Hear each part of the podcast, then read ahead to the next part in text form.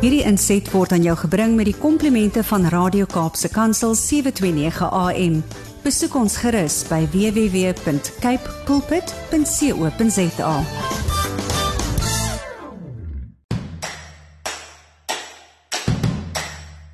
Jy is ingeskakel by Radio Kaapse Kansel. Jy luister na Landbou Landskap want dit is net na 7 op Saterdagoggend die 4de van hierdie maand Maart 2023. Baie baie welkom. Ek is uh bly dat jy vanmôre saamkuier. As jy vir die eerste keer hier is, nou ja, ons gesels in die volgende uur net landbou sake. Ons gee gou-gou 'n kort vooruitskouing van hierdie program om 10 oor 7 kom saad vir die saaier aan die beurt en ons lees vanmôre Psalm 23 verse 1 en 2 met die tema is jou hart rustig. In Kapstok wat 720 aan die beurt kom, gesels ons oor die minimumloon vir plaaswerkers en huishulpe wat vanaf 1 Maart 2023 verhoog is met meer as 9%.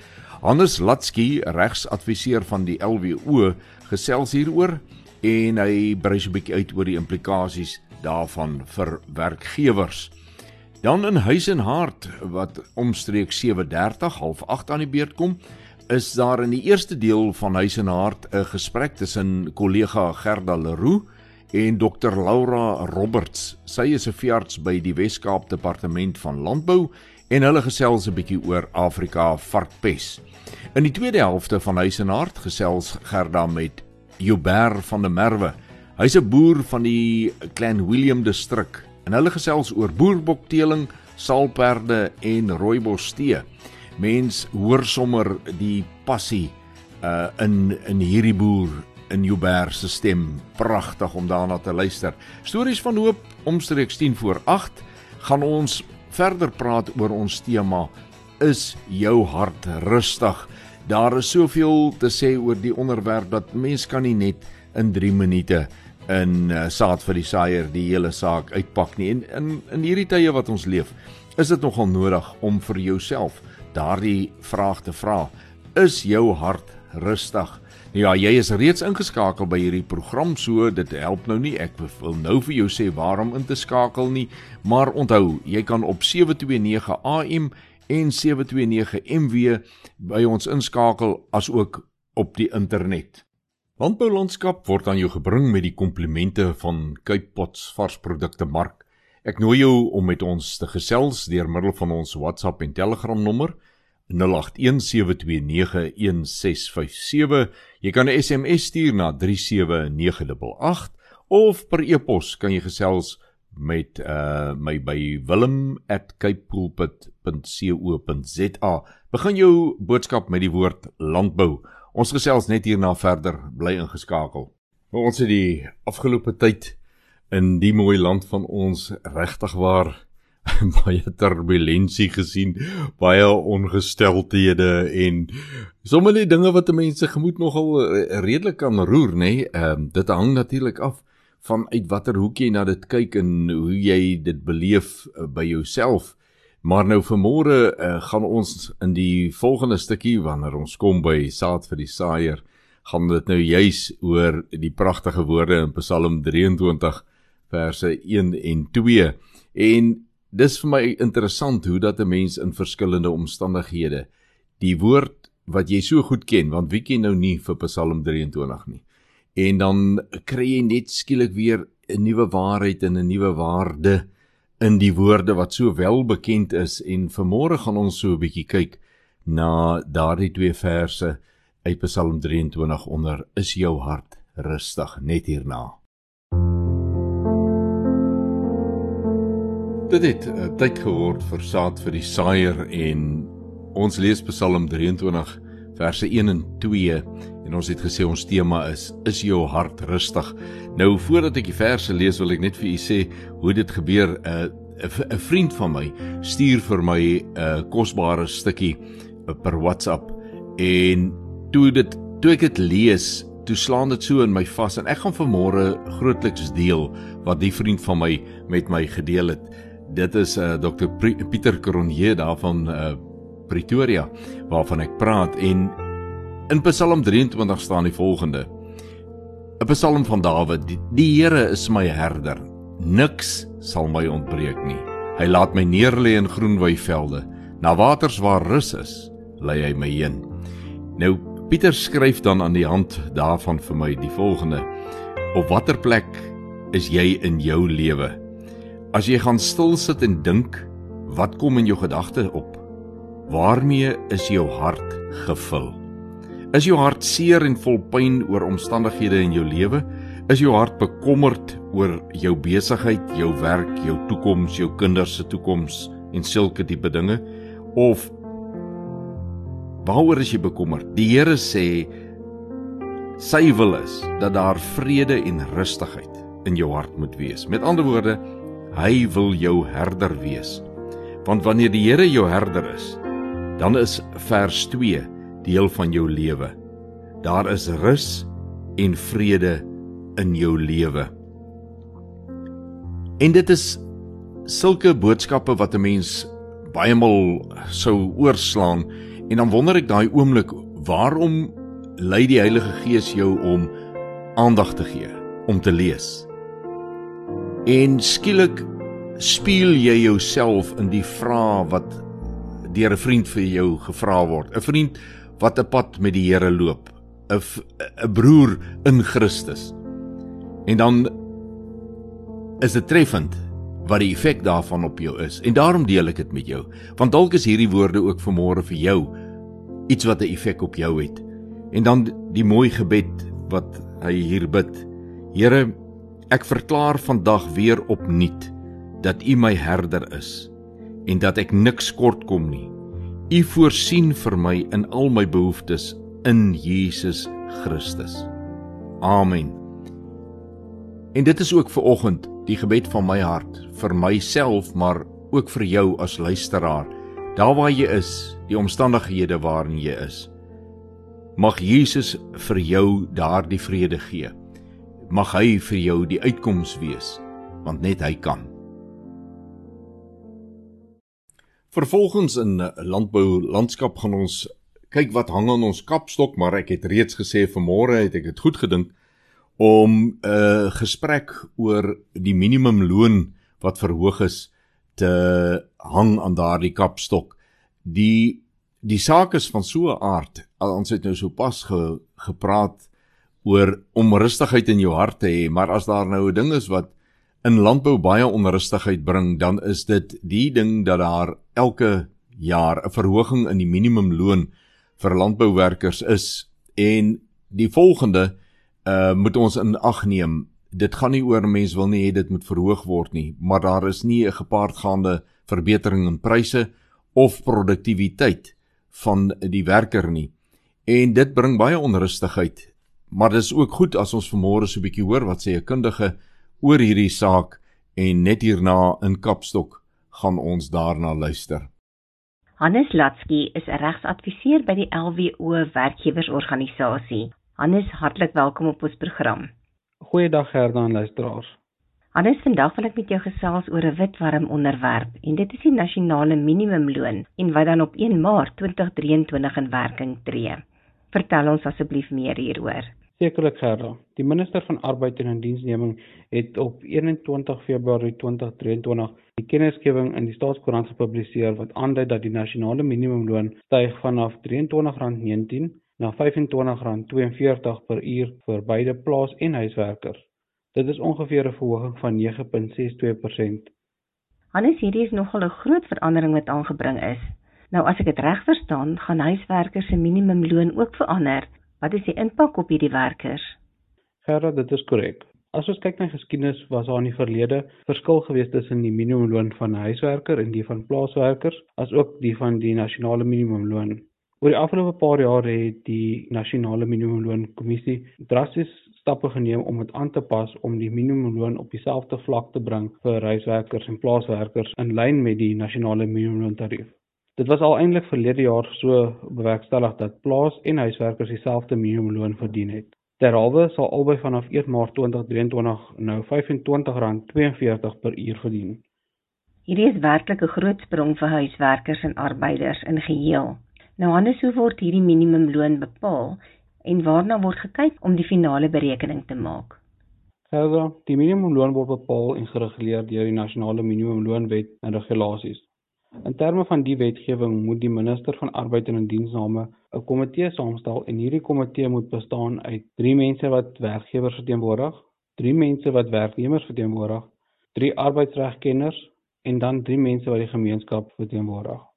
Hierdie komitee moet dan jaarliks vergader en verskeie faktore oorweeg om 'n bepaling of aanbeveling te maak aan die minister van arbeid. Die minister van arbeid maak dan die finale besluit en dit word gepubliseer in die staatskoerant. Dit is 'n trente proses wat gevolg moet word. Maar soos ook aangedui, hierdie is nie juis goeie nuus vir landbou in geheel nie. Is daar 'n moontlikheid om die minimumloon vry te spring en moontlik minder te betaal? Gerda, ja. Dit is moontlik, maar nie maklik nie. Die werkgewer moet aansoek doen vir kwytskelding van die minimumloon en dit behels 'n formele aansoek aan die departement van arbeid. So aansoek behels dat die werkgewer finansiële verslae moet blootlê aan die besigheid. Daar moet ook gekonsulteer word met werknemers en die verteenwoordigende vakbonde. Indien daar 'n ooreenstemming bereik word, kan die aansoek gebring word by die departement van arbeid. Die aansoek word ingedien en indien goedgekeur, kan dit beteken dat die werkgewer 'n klein bietjie verligting kan kry. Hierdie aansoek moet ook vroegtydig gebring word. Indien 'n werkgewer nie die proses volg nie en net bloot nie die minimumloon betaal nie, kan dit groot boetes vir die besigheid veroorsaak. Anders indien 'n werkgewer nie slaag in die aansoek om kwytskelding nie, is daar enige ander alternatiewe wat oorweeg kan word? Gerda ja, indien die werkgewer nie slaag met kwytskelding nie, kan die werkgewer oorweeg om ander oplossings te soek in arbeidswetgewing. Van hierdie oplossings kan moontlik herstrukturering of selfs personeelvermindering insluit. As 'n mens kyk na herstrukturering, is dit basies die proses om die besigheid se strukture te herorganiseer met die doel om meer winsgewend te wees of beter te struktureer in lyn met operasionele vereistes. Werksure, werksdae, vergoeding en pligte is algemene aspekte wat gewysig kan word tydens hierdie proses. Werkgewers moet kennis neem dat wanneer eensydige veranderinge aan bepalinge en voorwaardes van indiensname gemaak word, kan 'n werknemer die aangeleentheid na die KVBA of beter bekend as die CCMA verwys terwyl moet die proses van herstrukturering korrek gevolg word. In sulke gevalle sal ek definitief aanbeveel dat 'n werkgewer eers met hulle regsadviseur praat sodat hulle die regte proses kan volg. So 'n werkgewer wat nie suksesvol was in die kwytskeldingproses nie, kan ook personeelvermindering oorweeg. Personeelvermindering of beter bekend in Engels as retrenchment is maar die geen fout afdanking wat beteken dat 'n persoon word afgedank alhoewel hy niks verkeerd gedoen het nie. Soos met alle afdankings moet personeelverminderingsproses beide substantief en prosedureel billik wees. Vir personeelvermindering is daar basiese redes wat werkgewers kan aanvoer, maar dit word gewoonlik gebruik in wetgewing as die werkgewer personeel moet verminder weens ekonomiese redes, tegnologiese redes of selfs strukturele redes. Werkgewers moet versigtig wees vir die slaggat om slegs die nasionale minimumloon as hoofrede aan te voer ten opsigte van redes vir personeelvermindering. Onthou 'n werkgewer kan in arbeidswetgewing slegs personeelvermindering as 'n laaste opsie beskou indien daar geen ander alternatiewe beskikbaar is nie. En as 'n mens gaan kyk na alternatiewe om aansoek te doen om kwytskelding, is 'n alternatief tot hierdie proses. Dit is 'n baie groot slaggat wat werkgewers versigtig moet wees om in te trap. Mens kan nie net eenvoudig mense retrench nie. Dit kan lei daarna toe dat 'n werknemer die saak verwys na die CCMA of selfs na die arbeidshof.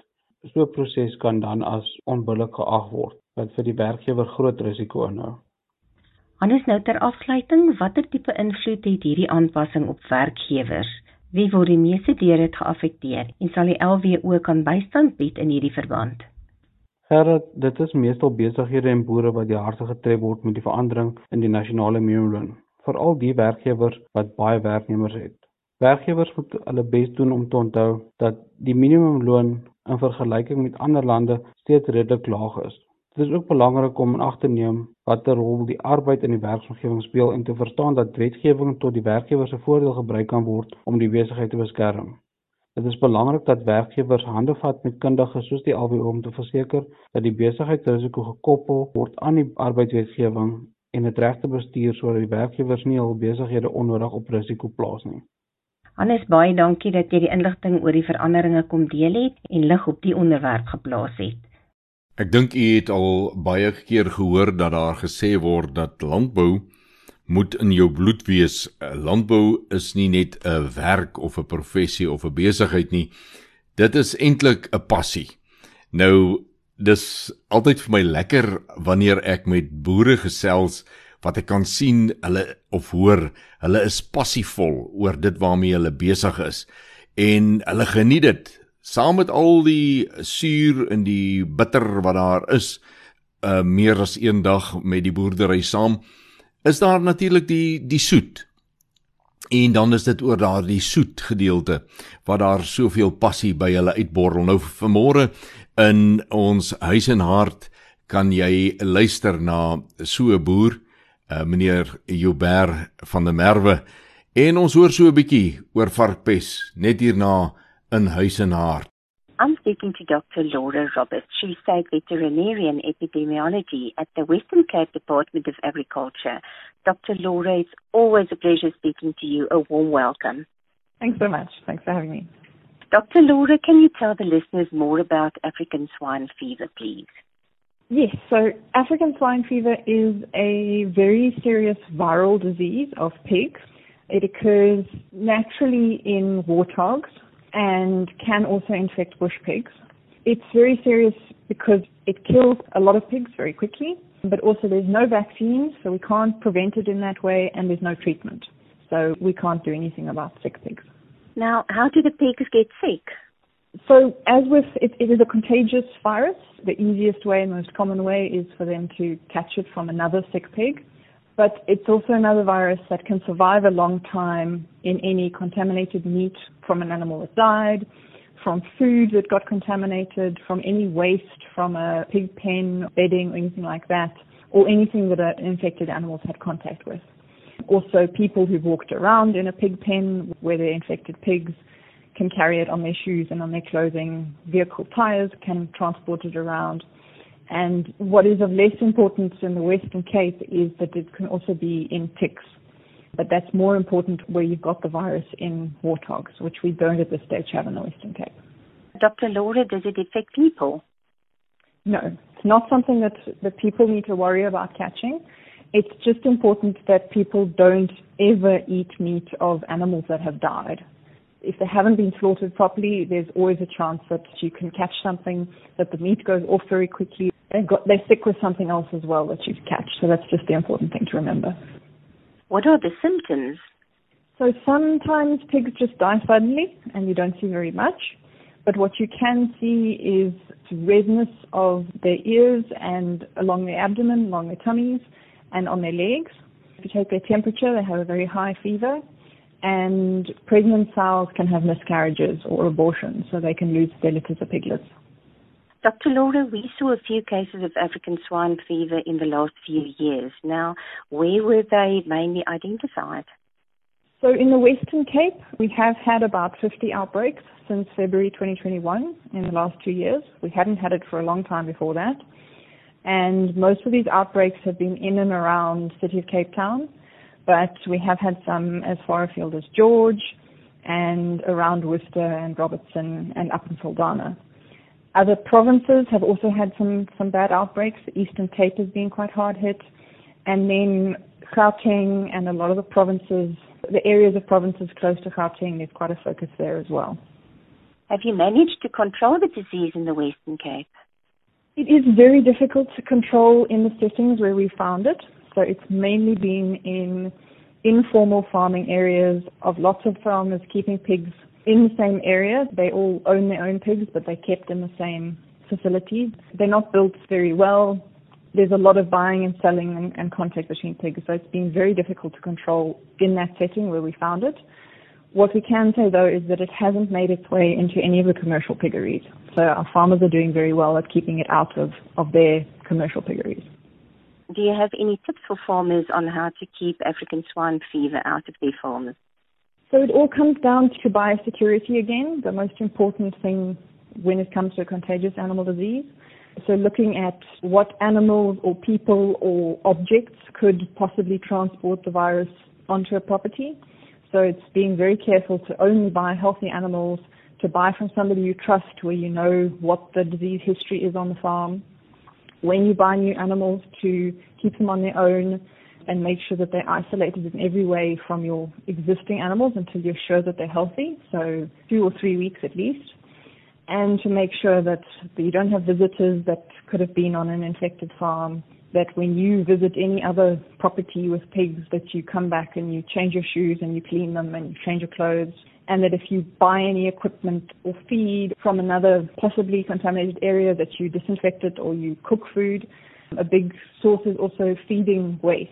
Pigs are great and they can eat a lot of waste material. They can eat gardens, they can eat kitchen scraps and that sort of thing. But you have to be very careful that there's no contaminated pig meat in that. And if there's a slight risk is that that kitchen waste is cooked first. Dr. Laurie, is the disease of great economic impact for the pig industry in South Africa? It does have the potential to have a big impact. We do export pigs and pig meat, and no country wants to buy products from us that could have such a disease. The properties that are exporting have to be very careful about how they manage their farms.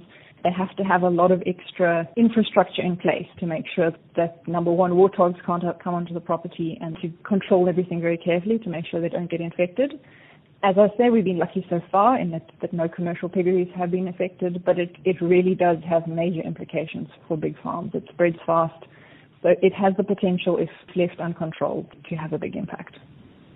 Dr. Laura, and then one last question here. One question that is frequently asked is what is the difference between African swine fever and African swine flu? This is something I, I hear quite often. There isn't actually any such thing as African swine flu for some reason people mix it up in their minds. So the, the disease is African swine fever. There's a group of influenza viruses that can be called swine flu if they infect pigs. Some people talk about having had swine flu or human infections with swine flu.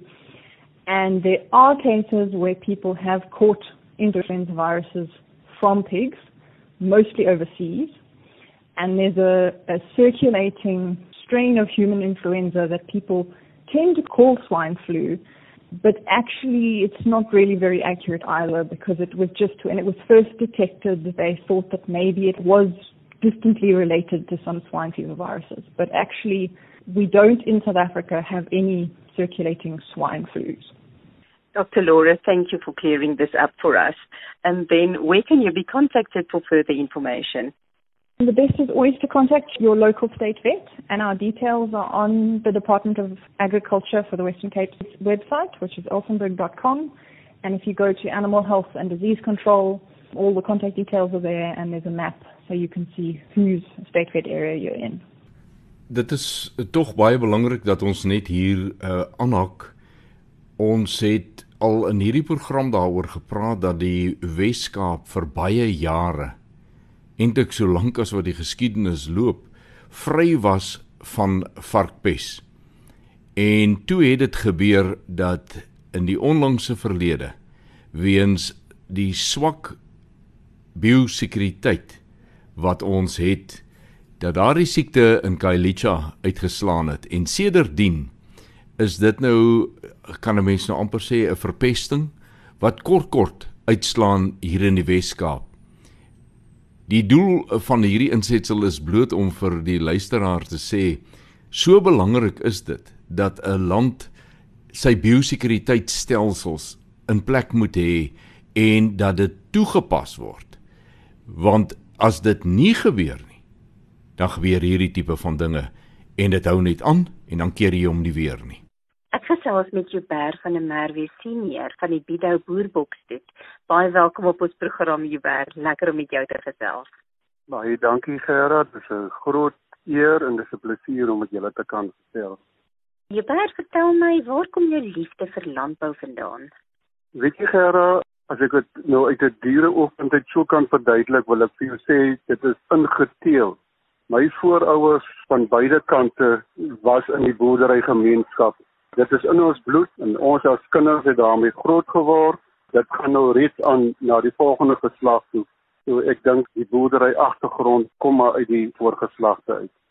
Kan jy vir my die storie vertel van die Bidou boerboksstoet asseblief en waar pas perde in hierdie storie in? Die Bidou boerboksstoet is 'n ou stoet. Ek het as 'n klein seentjie van so 5-6 jaar het ek altyd saam met die veewagter agter die bokke aangestap daar het die passie ontwikkel. Nou daardie tyd se bokke waarmee pa geboer het, was net gewone boerbokke, nie boerbokke nie, boerbokke. Wat bestaan uit uit alle kleure en bouvorm en so aan. En die rede hoekom hy so groot trop boerbokke aangehou het, is dat in hierdie deel van die land waarin ons boer, dit is in die ooste kant van Klein Willem in die Agtersiederberge. Dit is 'n moeilike wêreld En die gesegde is altyd as jy in hierdie wêreld boer, moet jy nooit al jou eiers in een mandjie sit nie. Jy moet 'n paar boerdery vertakkings hê sodat as die een misluk, dat die ander een kan kompenseer vir jou verliese. So in daardie tyd het hy nou die groot troppe bokke aangehou, hoofsaaklik nie vir vleisproduksie nie, maar om die kraalmis te kry om sy groentelande en hy het selfs roltabak in daardie tyd geproduseer. Ek praat nou van so 60 plus jaar gelede. So het ek dan nou saam met die veewagter agter die bokke aangestap en die liefde vir die ras het daar ontwikkel. Dit was nie lank nie toe het ek begin agterkom dat party bokke lyk mooier as ander, party van hulle het mooier koppe, hulle is 'n mooier tipe. Toe was dit nie lankie toe ek my pa gemotiveer om vir ons beter ramme te kry. En die beter ramme het toe gekom uit een van die oudste stoeterye uit in die Wes-Kaap, naamlik Omerensie Nieuwoud wat in die Cederberge geboor het. En hy het geteel uit die legendariese om Paul Jordan van Somerset Oos. Nou hier is seker nie 'n stoetery in die land dat ek myself in die rede val. Hier seker nie 'n oud stoetery in die land wat nie Paul Jordan bloed in sy boerbokke het nie. So my pa toe dit gedoen en hy het nou ramme aankoop. Ek moet vir jou by sê die perde storie in ons familie het 'n lang aanloop. My oorlede oupa was 'n perde liefhebber. Hy het perde geleer, ingebreek, op skoue vertoon. Dit het hy oorgedra na my pa toe en my pa het oorgedra na ons geslag toe en huidigelik is dit die vierde geslag wat nog steeds die liefde vir die perde het. Nou in ons geval het ons baie perde aangehou, nie noodwendig om mee te skou nie, die perde moes gewerk het. Ons het die perde gebruik om skape bymekaar te maak, beeste bymekaar te maak, te ploeg en in daardie jare gelukkig kon ek dit nog beleef. Dit is die tye voor die nuwer wetse stroopers gekom het waar daar nog 'n trapvloer was met 'n hooi miet en die perde is gebruik om daardie koring uit te trap op die trapvloer. So die perde het gewerk vir hulle kos as ek dit sou kan stel. In dieselfde asem moet ek sê ons is almal perde liefhebbers en in 1959 het my oulede pa ons eerste saalperdings aangekoop. Rukkie daarna het hy sy saalperdstoetery geregistreer. Nou die prentjie van die saalperd het ek van kleins af in my kop ingeprent. Ons het baie na skoue toe gery. Ek het van die mooiste saaperde in die land het ek daar gesien. Die trotse houding, die pragtige lang nek, die Romeinse neus en daai goed het my bygebly. Toe ek nou later begin 'n boerbokke teel, het daai prentjie weer te voorskyn gekom en ek het vir myself gesê dit is soos my boerbokke moet lyk. Nou Uh, 1974 is die eerste stoetram wat my oorlede pa op die plaas gebruik het, is toe 'n ram wat hy gekry het uit Omerensie Nieuwoud se stoetery uit wat hy verhuil het vir 'n jong saalperd Mary wat die oom vir sy kinders wou gehad het vir 'n kinderryperd. Ek kan nou maar sê dit is seker die basis van my boerboksstoetery daardie spesifieke ram wat in 1974 op die plaas aangekom het. Ek het toe nou begin strenge seleksie toepas en die ram het 'n geweldige groot impak op ons boerbokkudde gehad. Sy lammers het uitgestaan en ek het al hoe strenger begin selekteer. Met die tyd saam het ek toe nou by ander teelers ook begin ramme inkoop. In 1978 het ek besluit dat my kudde is nou goed genoeg dat ek kan registreer as 'n boerboksoetery en die inspeksie of die keuring is gekom doen op die plaas toe is die stoetnommer 571 aan Bido Boerbox toe toegeken. Jeber, wat is die eienskappe waarvoor jy selekteer in jou stoet? Ek het spesifieke eienskappe wat ek nog vandag nastreef. En ek sê nie dit is die alfa en die omega nie. Die boerboekbedryf het nou vandag so ontwikkel. Dit is een van die winsgewendste kleinveebedrywe in die land. Die wêreld soek die ras. Soos iemand nou eendag gesê het, it's the most wanted breed in the world today. Daar's feitelik nie 'n land in die wêreld wat nie belangstel in die boerbok nie. Die boerbokindustrie doen op die oomblik baie goed. Van selfsprekend moet dit mos nou wees dat teelers beter kyk na hulle diere om 'n beter produk aan te bied. My eienskappe waarvoor ek al die jare nog geselekteer het, is nog vir my net so belangrik. Omdat ons in 'n harde wêreld boer, bergagtig, 'n uh, redelike lae reënval dit beteken dat my boerboekstoetery en ek wil so ver gaan om te sê is dalk van die weinige stoeterye in die land wat ek nog ekstensief bedryf. Nou gehardheid is vir my die belangrikste eienskap. My bokke moet kan oorleef in hierdie harde wêreld van ons. Tesame met dit vrugbaarheid. En dit help ons nou nie jy hou 'n boerbok aan en sy produseer nie. So vrugbaarheid is baie belangrik En nog belangrik is temperament. Ek selekteer vir temperament en ek kan nou met trots sê dat my boerbokke se temperament is sodat jy kan enige dag enige tyd kan jy tussen hulle rond beweeg sonder dat hulle vir jou weghardloop. En dan die laaste een wat vir my ook baie belangrik is, is goeie moedereienskappe. Dit gaan eintlik saam met vrugbaarheid dit help ons nou nie ons produseer goeie lammers en die moeders kan nie na die lammers kyk nie. So goeie moedereienskappe is ook baie belangrik. Ons boere in 'n wêreld waar baie ongediertes is en ons is verplig om die boerbokke te versorg in die winter met lamtyd om beter na hulle te kyk. Hulle noodwendig moet gekraal word maar daarna as ons hulle uitsit na die veld toe dan moet oeye bereid wees om goed na hulle lammes te gaan kyk. Die baie en dan het ek nou nog 'n laaste vraag hierso. Nou 'n mens mag nooit ophou droom nie. Watter droom het jy nog wat jy graag wil bewaar het?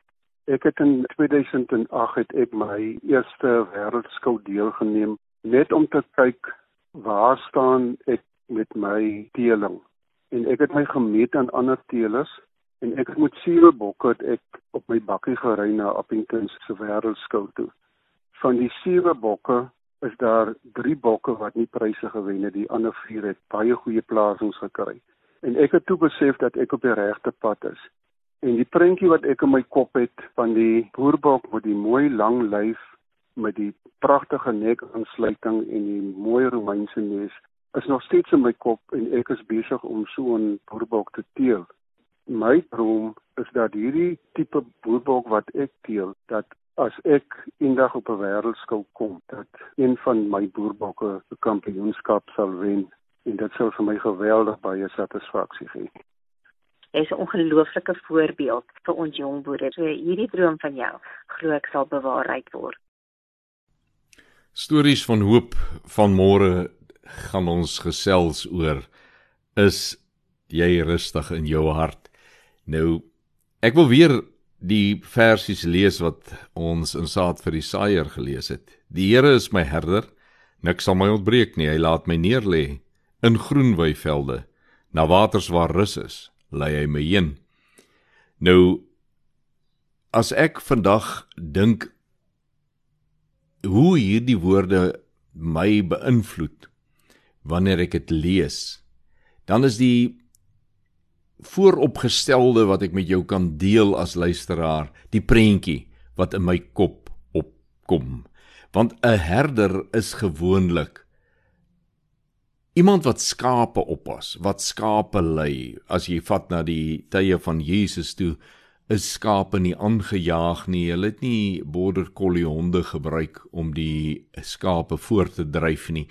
Die herder het voor die skape uitgestap en dan volg hulle hom en die woord sê want hulle ken sy stem en volg hom dit is die beeld wat Jesus gebruik het en met ander woorde daar is so 'n intieme verhouding dat die herder kan net lei en praat en die skape uh, hoef nie verward rond te kyk waar jy nou nie hulle luister na die stem en dan gaan hulle aan maar die ander beeld wat by my gewek word is een van ek weet nie of julle al opgelet het waar skape rustig is. Hulle lê rond. Beeste doen natuurlik dieselfde, maar skape lê en dan herkou hulle. Hulle herkou aan dit wat hulle reeds geëet het. Ehm uh, hulle moet dit weer keer kou want hulle moet dit fyner maak as met die eerste keer toe hulle dit net afgepluk en ingesluk het. En daardie beeld is vir my die een wat ek wil koppel aan is jou hart rustig. Want ek dink ons kom elke ene baie gereeld op daardie plek waar daar dinge met ons en in ons lewe gebeur waaraan ons kan herkou. Ek sê kan want jy het 'n keuse. Mag is 'n ander woord. Mag ek daaraan herkou? Maar wanneer ons daaraan herkou, wat doen ons? Ons haal elke stukkie sap in elke ou krieseltjie wat ek kan uit dit uitkry, haal ek eintlik daar uit deur dit te herkou. Maar meermale herkou ons aan dinge wat ons eintlik net daar moes gelaat het. Dit moes nie eers 'n tweede gedagte by ons gekoester het of opgebring het nie. Ons moes net verbygegaan het. Maar dan herkou ons daaraan. Jesus, die goeie herder, lei ons na waters waar rus is, na die wonderlikste weivelde. Maar ons verkies om die kankerbossie en die uh Daar's 'n paar ander bossies wat ek kan noem wat nou nie mooi name het nie. Wat wat wat ons aankou. Dis walglik om dit te herkou. Maar omdat ons dit inneem, herkou ons nou daaraan. Dit vergiftig ons hele denkepatroon. Dit vergiftig ons liggame. En dan kom jy op 'n plek waar jou hart net eenvoudig nie in rus kan wees nie, want al die omstandighede om jou, alles wat so verkeerd loop, ervaar jy nou skielik as een wat verskriklik jou impakteer. Dit maak jou nie net opgewonde nie, maak jou kwaad. En nou wil jy 'n paar dinge gaan doen wat regtig nou nie uh, doenbaar behoort te wees nie. En alles net omdat ons uit daardie rus uitgegaan het waar Jesus ons aanmoedig om in te wees. Ons behoort in sy rus te wees. Ons behoort daar te wees waar net hy en sy stem voorop is in ons lewe. En dan daarom die vraag: Is jou hart nog rustig? En het ek die afgelope tyd dit so eerstaans in my eie lewe ervaar dat die oomblik toe ek begin rondkyk na die Eskom gebeure, die Andre de Ruyter gebeure ensovoorts ensovoorts dan kom 'n ou se gedagtes op 'n galop in 'n rigting waar jy nie moes gewees het nie. En dis nie lank nie, dan is jy uit die rus uit. Dan is jou hart lankal nie meer rustig nie. En wanneer ek dan met hierdie goeie so spook, is die vraag: Hoe kom ek weer in daardie rus van die Here in. En dis waar gebed absolute kardinale rol in ons elkeen se lewe kan en behoort te speel. Wanneer jy jou weer keer tot die voete van Jesus, weer aan sy knieë gaan sit en sê lei my asseblief. Hoe moet ek dink? Hoe moet ek hierdie goed ervaar?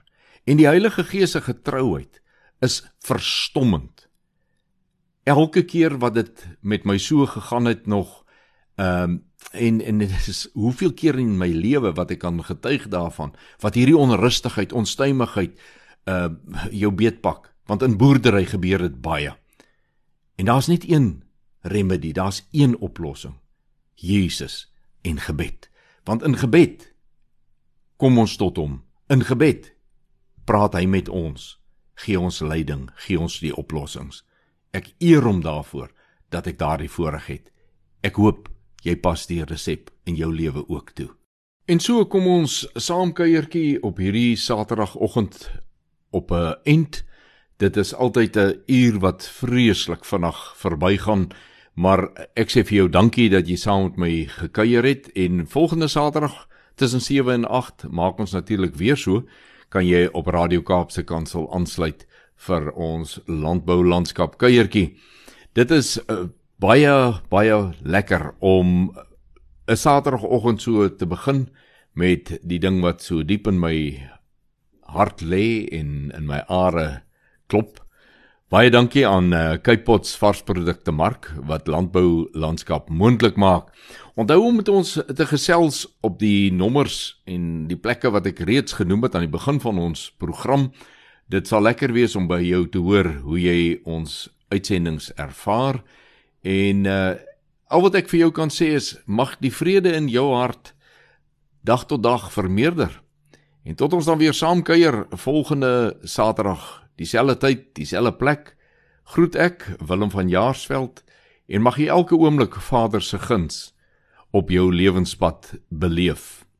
Wederom. Hierdie inset was aan jou gebring met die komplimente van Radio Kaapse Kansel 729 AM. Besoek ons gerus by www.cape pulpit.co.za.